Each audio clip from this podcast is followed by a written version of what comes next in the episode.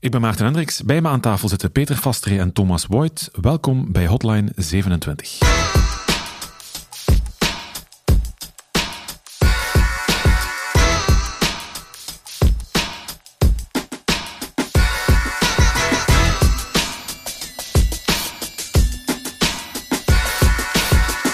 Een artikel op Data News van een tijdje geleden met als kop 13 Europese telecomoperatoren, waaronder Proximus en Orange, zeggen dat Amerikaanse technologiebedrijven mee de kosten moeten dragen voor hun netwerken, omdat ze er zoveel gebruik van maken. Volgens mij heeft dat te maken met het begrip netneutraliteit. Thomas, ik kijk naar u. Leg eens uit wat netneutraliteit precies is. Netneutrality wil eigenlijk zeggen dat internetproviders alle gegevens op het internet gelijk gaan behandelen. Ze, dus ze kunnen niet op basis van de inhoud, de website, het platform, de toepassing, uh, communicatiemethode uh, gaan beslissen hoe dat ze dat behandelen. En binnen Europa praten we eigenlijk vooral dan over het al dan niet voorrang geven van bepaalde diensten op basis van geheime loesje afspraken in achterkamertjes. Loesje afspraken zelfs? Ja, het is natuurlijk ergens als, als, als uw grote concurrent een operator geld geeft om een voorrang te krijgen op zijn netwerk en jij als kleine start-up hebt dat kapitaal niet, dan kan je toch ergens uh, spreken over iets marktverstorend. Dus netneutraliteit wil zeggen, volgens mij was het een Amerikaans congreslid die ooit zei van het moeten uh, dumbpipes zijn, het internet. Ja, klopt. Klanten betalen veelal een vast tarief voor een internetverbinding. En ja, internetoperatoren die zowel aan de contentkant als aan de klantzijde uh, proberen te casseren, ja, dat, dat klinkt een beetje like double dipping. Hè? Um, dus je kan inderdaad wel een beetje zien van ja, providers betalen direct of indirect voor een hoeveelheid data die een klanten versturen en ontvangen. En andere internetbedrijven doen dat ook. En dat is altijd het basisprincipe op het internet geweest. Maar hoe is de situatie op dit moment voor bijvoorbeeld de grootste providers in, in ons land, in België? Is in België het internet nog altijd neutraal? Uh, voorlopig wel. Uh, binnen Europa zitten we daar wel, wel relatief goed. De providers, uh, af en toe laten ze eens een ballonnetje op, kijken of dat er politiek interesse is om er iets aan te doen en of dat er draagvlak is om, om zulke maatregelen of om, om te gaan zeggen van oh nee, Netflix gebruikt te veel van mijn data, ik, ik wil hier geld voor hebben. Ze proberen dat wel, maar het is zeer weinig succesvol. Dus op dit moment is het zo dat al het internetverkeer in ons land wordt op dit moment gelijk behandeld? Uh, zover dat wij weten wel, ja. Buiten de Lucia-afspraken dan? Buiten potentieel de Lucia-afspraken. In Amerika speelt het veel harder. Uh, daar, daar praat men zelf over neutraliteit soms. Uh, over het, het injecteren van advertisements in internetverkeer. Dat is iets wat sowieso in, in Europa eigenlijk niet mag, niet gebeurt. er zijn wel wat Europese regelgeving. Er is wel wat Europese regelgeving rond. dus voorlopig houden de meeste operatoren binnen Europa zich wel aan de afspraken. En hoe weet je dat? Want je kunt dat moeilijk controleren. Hè? Klopt. Uh, wij, zien het voornamelijk uh, als je hebt, je hebt ook wel ergens een, een, een discussie rondom uh, datatransport. Zijn de, dan praten we meer over peering, transitverkeer. Um, wij zien vandaag, als, als we naar, naar de performantie van de applicaties en diensten kijken, kijken, weinig verschil tussen operatoren waar je een directe connectie mee hebt en potentieel betaalt voor die connectie, of dat je het gewoon via een van jouw andere leveranciers verstuurt. Zolang dat ze daar geen onderscheid in gaan maken, uh, ja, denk ik wel dat dat, uh, dat het wel oké is. Als we kijken vanuit het oogpunt van de gewone consument, hè, die een internetverbinding afneemt bij een grote provider, wat is voor, uh, voor hem het beste of voor haar het beste? Een neutraal internet of een internet waarbij bijvoorbeeld de Netflix-video's veel sneller binnenkomen? Die neutraliteit, dat is eigenlijk een, een idealistisch principe. Hè? Men vindt dat dat zo hoort te zijn. Ik denk dat sommige klanten liever hebben dat hun YouTube goed werkt dan dat alles neutraal en, en eerlijk behandeld wordt. Dus het hangt er een beetje vanaf, denk ik. Ja, je, je had zo'n concept van zero rating, heette dat dan, waar je binnen jouw databundel één specifieke applicatie kon kiezen uh, en die telde dan niet mee in jouw dataverbruik. Ja, je ziet wel dat de consument daar interesse in heeft. Dat gebeurt nu al, denk ik, hè? Ja, het is, het is een trend geweest. Uh, de dag van vandaag zijn de datavolumes binnen de bundels weer groot genoeg. Uh, dat gaat dan eerder over fair of use policy, daar gaan we het zo dadelijk nog even over hebben. Um, maar die zero rating is wel een trend geweest, waar dat eh, de operatoren zeiden van kijk, je kan één van jouw favoriete applicaties kiezen en die telt dan niet mee in jouw dataverkeer. Op zich is dat wel oké, zolang dat iedereen zonder betalen in die lijst van favoriete applicaties ja, kan maar dat is toch een inbreuk op de netneutraliteit, toch? Die Ja. zero rating. En, en het BIPT heeft daar dan onderzoek naar gedaan in België. Het en het, het Belgisch eh, Instituut voor Post en Telecommunicatie. Voor post en zij- telecommunicatie, oké. zij zijn Ja. nog altijd verantwoordelijk voor de handhaving op het internet, zeg maar. Mhm. Eh, dus heel kort door de bocht. Eh, maar zij onderzoeken zulke zaken. En ze hebben toen gezegd, ja, nee, het doet de concurrentie eigenlijk eh, niet slecht. En ze houden zich een beetje neutraal. Daar is heel veel discussie over geweest of dat, dat al dan niet eh, wel zo is. Eh, van het standpunt van de contentdistributie, ja, moet je daar wel, stel je daar wel vragen bij. Hè. De Spotify zit bijvoorbeeld mee in de databundle eh, van, een, van een gebruiker. Ja, voor een, een Google is dat ook niet goed met zijn Google Music. Eh, als iemand dan klant bij Google Music is, betaalt hij, dan telt het niet mee in de bundle. Eh, dan telt het wel mee in de, in, in de databundle. En dan na drie, vier uur streamen is het gedaan.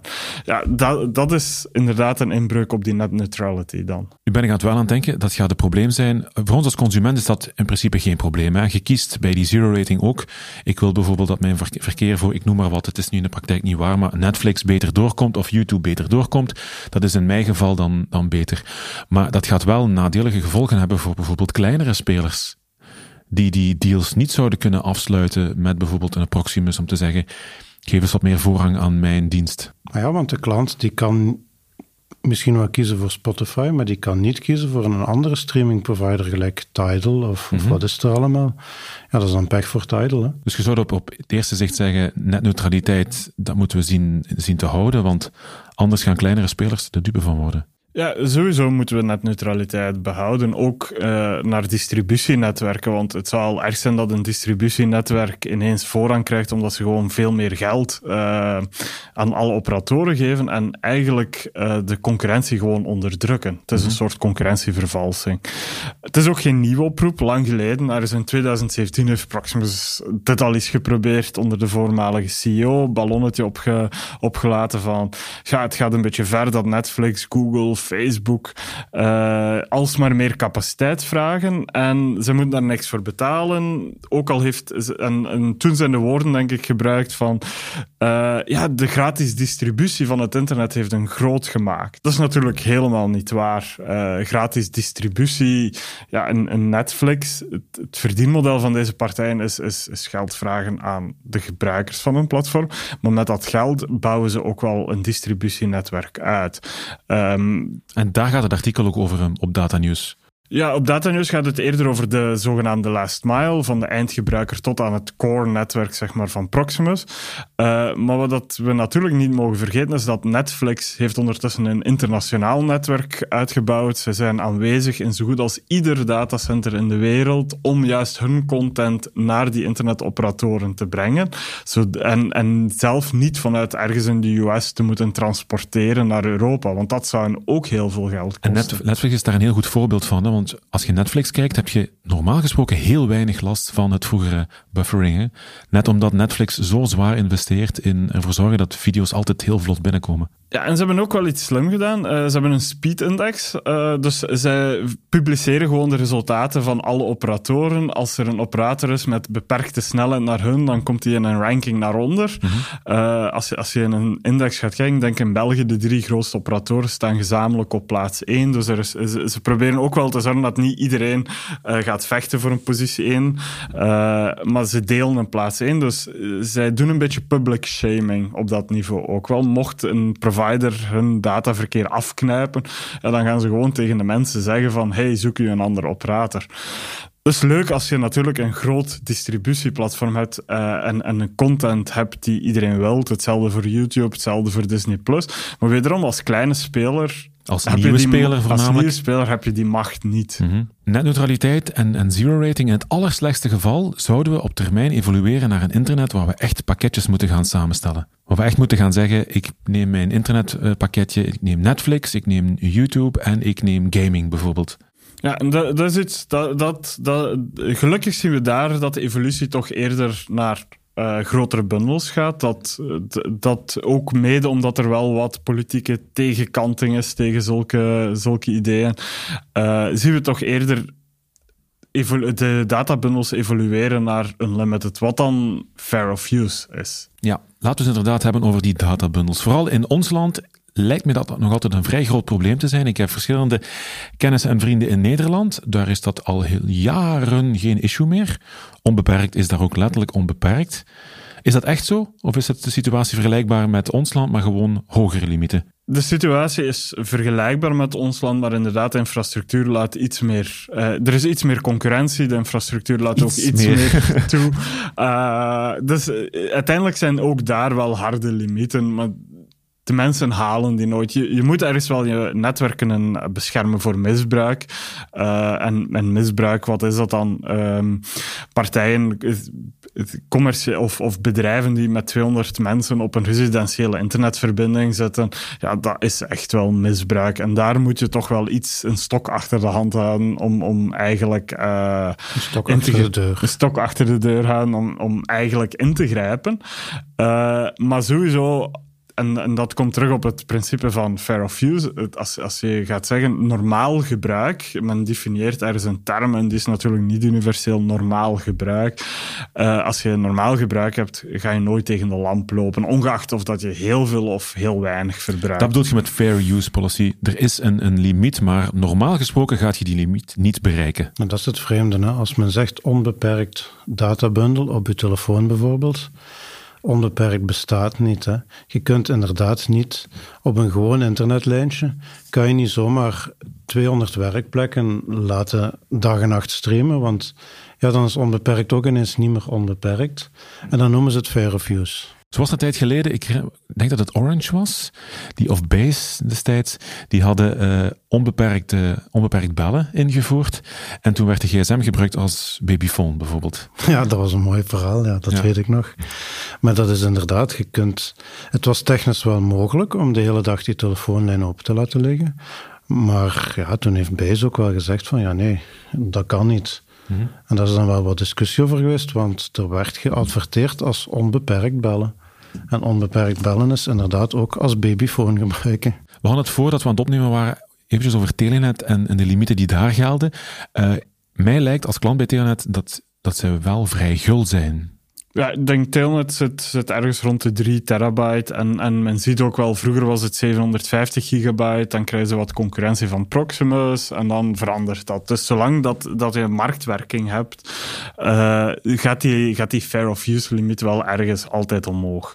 Uh, mede ook het internetverbruik de dag van vandaag verandert. Hè. Mensen, uh, mensen nu zitten soms met, met drie thuis op Netflix te surfen, te kijken en, en via een ander scherm op YouTube rond te surfen en af en toe filmpje hier, even Netflix op pauze. Dus dataverbruik is ook wel geëvolueerd dat, dat 3 terabyte niet meer onnoemelijk veel is voor een, voor een groter huishouden. Misschien een hele domme vraag als gewone consument. Van waar komt die limiet? Wat maakt dat Telenet toch moet zeggen op een bepaald moment bij 3 terabyte, als je daar over gaat, dan gaan we je toch een berichtje sturen en zeggen van jongens, je zit aan het overdrijven. Waarom? Is, het niet, is data niet gewoon overal altijd onbeperkt? Er, er, zit een technische limitatie. Dus het spectrum, in het geval van internet, is dat uh, het spectrum op de kabel. Uh, bij glasvezel heb je alweer wat meer mogelijkheden.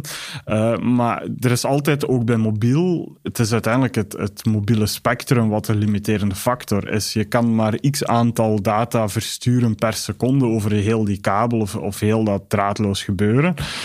en die moet gedeeld worden. En het brengt ons ook wel een beetje richting de hostingsector. Als we dan praten over die unlimited pakketjes op een, op een server. Bestaat dat daar ook? Dat bestaat in de hostingwereld even hard als, als dat het binnen de internetwereld bestaat. En daar, ja, het is, niet, het is een beetje marketing. Stel je voor, je, verkoopt duizend pakketjes als, als provider en ieder pakketje verbruikt, uh, zet, geef je een limiet van 1 gigabyte. In theorie zou je kunnen zeggen, oké, okay, uh, mijn server gaat maximum, 1000, gaat maximaal 1 terabyte verbruiken. Mm de dag van vandaag zien we dat dat niet het geval is. Niet iedereen gebruikt die 1 gigabyte volledig. Daar gaat je vanuit natuurlijk. Ja, en dan, dan komt natuurlijk de marketingmolen in combinatie met de technische molen op het idee van, maar stel nu voor dat we iedereen meer data geven, want we zien dat het grootste deel van onze klanten die data niet gebruiken. Ja, we geven iedereen meer, dan kunnen we die paar randgevallen ook nog een dienst aanbieden. En in het totaal, ja, zelf al zeggen we nu bijvoorbeeld, onze hostingpakketten zijn unlimited qua disk space. Is het dataverbruik op die server na, na, na een uh, duizend pakketjes nog maar 200 gigabyte? Ja, dan werkt dat ook wel. En in een vergelijking, als je twee, en dat is dan een beetje de marketingmolen, ja, als je dan twee hosting providers naast elkaar zet, de ene zegt van ja, je krijgt 1 gigabyte per pakket, de ander zegt uh, je krijgt ongelimiteerd aantal diskruimte per pakket. Ja, de mensen gaan automatisch meestal kiezen voor die met de ongelimiteerde. Maar wat ook gedaan wordt tegenwoordig is, stel dat een gemiddeld pakket 1 gigabyte is, dan zien we nu soms ook providers die zeggen, ja, je krijgt nu 300 gigabyte. Wetende dat nooit iemand die 300 gigabyte gaat gebruiken, of correctie, nooit iemand. Er zullen er wel mensen ik zijn. Ik wou net zeggen, er gaat altijd een of andere dingen zijn die zegt, ik ga toch die heel, uh, die heel diskens volzetten. Ja, die zijn er wel, maar eigenlijk heel die hostingsector en bij uitbreiding het internet is, is gebaseerd op die overstelling. Als elke klant, elke gebruiker ineens zijn maximum gaat gebruiken, ja, dan valt het in elkaar. Hè? Mhm. Dus dan valt die hosting server in elkaar, of die cluster, of die netwerkverbinding het, het, systeem is gebaseerd op delen. Dus als iedereen zijn maximum, zijn theoretisch maximum gaat gebruiken, ja, dan, dan komt de provider of de hosting provider of weet ik wie, komt in de problemen. Hebben jullie dat voor soms? We hebben wel klanten die, die hun maximum gebruiken. En op zich is dat ook geen probleem. Hè. Dat is de schaal waarin we ons, mhm. ons kunnen begeven. Als er duizend klanten zijn en er zijn er twee die hun maximum gebruiken, dan is dat ook geen probleem. Mocht je daar ook niks van zeggen. Hè. Want als in uw advertentie staat, jij mag 300 gigabyte gebruiken, ja, dan mag je dat. Hè. Als je zegt onbeperkt, ja, dan is het, dan is het vaag. Hè? Dan, is het, dan komt het een beetje terug op de definitie: wat is fair of use uh, bij hosting? Ja, is het puur om de WordPress erop te zetten? Of mag je daar dan ook 2.000, 3.000 vakantiefoto's op high-res gaan opzetten? Ja, daar er is geen universele regel en dat, dat verandert ook een beetje tussen de hosting providers. Uh, het is als klant soms ook gewoon moeilijk te zien van wat is nu het normale gebruik. En dat heb je net hetzelfde bij een internetverbinding. Dus identiek hetzelfde verhaal. Wat uh, normaal, uh, daarom dat het ook wel goed is, bij internet valt het dan nog gemakkelijk te vergelijken, omdat de fair of use policies wel iets of wat uh, gepubliceerd worden. Het is niet dat ze dat heel wegsteken. 90%, 95% van de gebruikers snapt het niet of, of wil het niet. Of weet het gewoon Weet het niet en dat is goed. En degenen die dan specifiek op zoek gaan naar de informatie, kunnen het meestal wel vinden. Dus dat is acceptabel. binnen de hostingwereld is het soms nog iets vager. Um, ja, puur al als je bedrijfswebsites, we hebben de, het voorbeeld van de vakantiefoto, stelt zich, stelt zich ook voor een webshop. Als die webshop als je twee webshops naast elkaar zet en één webshop verkoopt drie producten en doet dat heel goed, of een andere webshop verkoopt 10.000 producten en moet voor alles fotootjes en alles hebben, ja, is dat dan, is dat dan normaal gebruik? Het is een heel moeilijke vraag. Ik vind een interessante case. In dat geval vind ik Backblaze bijvoorbeeld, um, als backup provider. Die, zeggen, die pakken ook uit met unlimited backup. En dan zou je zeggen, inderdaad, echt volledig onbeperkt. Maar dat is in de praktijk niet zo, want die backup wordt beperkt door de grootte van uw eigen harde schijf. Want als je iets van uw eigen harde schijf gaat verwijderen, na 30 dagen, gaan ze het ook verwijderen bij Backblaze. Ja, en, en dat zijn dan allerhande systemen om ergens die limiet erin te steken, zonder dat de consument of de gebruiker echt doorheeft van, ja, eigenlijk is het niet ongelimiteerd. Er zit ook een logica achter, hè? dus ik weet niet wat zo'n Backblaze-dienst kost. Ik dacht 5 euro per maand. Het was echt, het is eigenlijk vrij goedkoop. Ja, en er is ergens, je kunt daar geen 100.000 terabyte op zetten, want ja, die mensen die moeten ook ergens een harde schijf of meerdere harde schijven gaan kopen om uw ding op te zetten. Mhm. Dus als iedereen dat zou doen, alle klanten van Backblaze, ja, dan lukt het niet. Hè? Dus zij gaan er ofwel vanuit dat hun alle klanten samen niet hun maximum gebruiken, of gaan zij toch allerlei kleine limietjes proberen in te bouwen per gebruiker. Maar het klopt toch dat op dit moment opslag goedkoop is? Of ben ik verkeerd ingelicht? Goedkoop, maar niet gratis. Nee. Er zijn altijd harde schijven die iemand moet kopen. Dat is Mhm. gelijk de cloud, ligt niet, hangt niet in de lucht. Dat zijn, dat, ja, dat, zijn, dat zijn servers, machines, ijzer, chips, die worden gekocht. Hè. Mhm. Iemand moet die kopen en beschikbaar maken. En, en sowieso in een periode van chiptekorten gaan de prijzen eerder naar boven dan naar beneden. Eh, op, op magnetische disken valt dat nu nog wel mee, maar op SSD's, ja, die, die kosten een pak meer dan dat ze een jaar geleden kosten. Dus daar gaat de prijs per gigabyte eigenlijk zelfs sterk naar boven. Maar het is op dit moment nog niet zo dat je kunt zeggen: een fair use policy, dat is eigenlijk niet meer nodig. Wordt dat ooit technisch haalbaar, denk je? Nee, er zal altijd een limiet zijn. Hè. En, en zoals je ziet, ja, die oproep van Proximus en, en, en Orange, ja, in 2007 hadden we die al. Dan was er al, eh, waren er al veel klachten over. eh, ja, nee, maar Netflix gebruikt eh, zo uit 17% denk ik was het van het gehele dataverkeer. Ik denk als je daar vandaag naar kijkt, ja, de kans is dat dat 25% is, maar in absolute cijfers gaat dat een veelvoud zijn. 4K streaming. Vroeger eh, eh, een, een, een, gewone HD-streaming was misschien anderhalve megabit. Een 4K-streaming de dag van vandaag is 25 megabit per gebruiker. Dus ja, zelfs daar, je ziet, de technische capaciteiten gaan vooruit, maar het verbruik en, en wat dat de consument ermee doet, gaat ook enorm ver. Je gaf ook het voorbeeld van Telenet en een, een One-product, waar ik zelf ook klant van ben. Dat kost wel flink wat geld per maand in, in ons land, is dat zo, jammer genoeg. Ehm, maar die hebben bijvoorbeeld ook onbeperkt op mobiele data, met als gevolg dat de wifi niet gebruikt Ja, wordt. het, het is ook een beetje een marketingstrategie van hun geweest. Hè. Zeggen van ja, nee, nee, One telt als wifi-vervanger. Eh, ja, dat is wel dat is heel moedig, maar is een beetje een niet doordachte marketingcampagne. Want als de mensen dat ook echt gaan doen, dan praat je gemakkelijk over, over etelijke 30, 40 gigabyte aan, aan data, puur al eh buitenshuis. Mensen gaan gewoon Netflixen zonder dat ze erover nadenken. Ja, als ze dat dan binnenshuis, hun internetverbruik daar, die 3 terabyte van vroeger ook nog eens over mobiel ja, dan denk ik dat Telnet toch zal, zal zweten om dat op de wereld te krijgen. Of correct uitgelegd te krijgen. En dat is een beetje gelijk die babyfoon van daar straks. Hè. Mhm.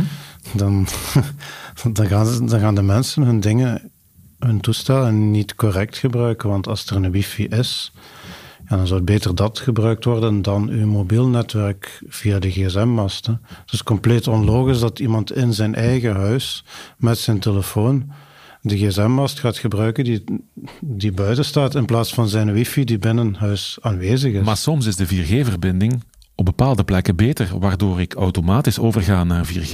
En ik kijk ook niet naar de limiet bij Telenet op dit Ah ja, maar moment. dat is omdat de wifi in uw huis niet deugt. Hè. Nee, voilà.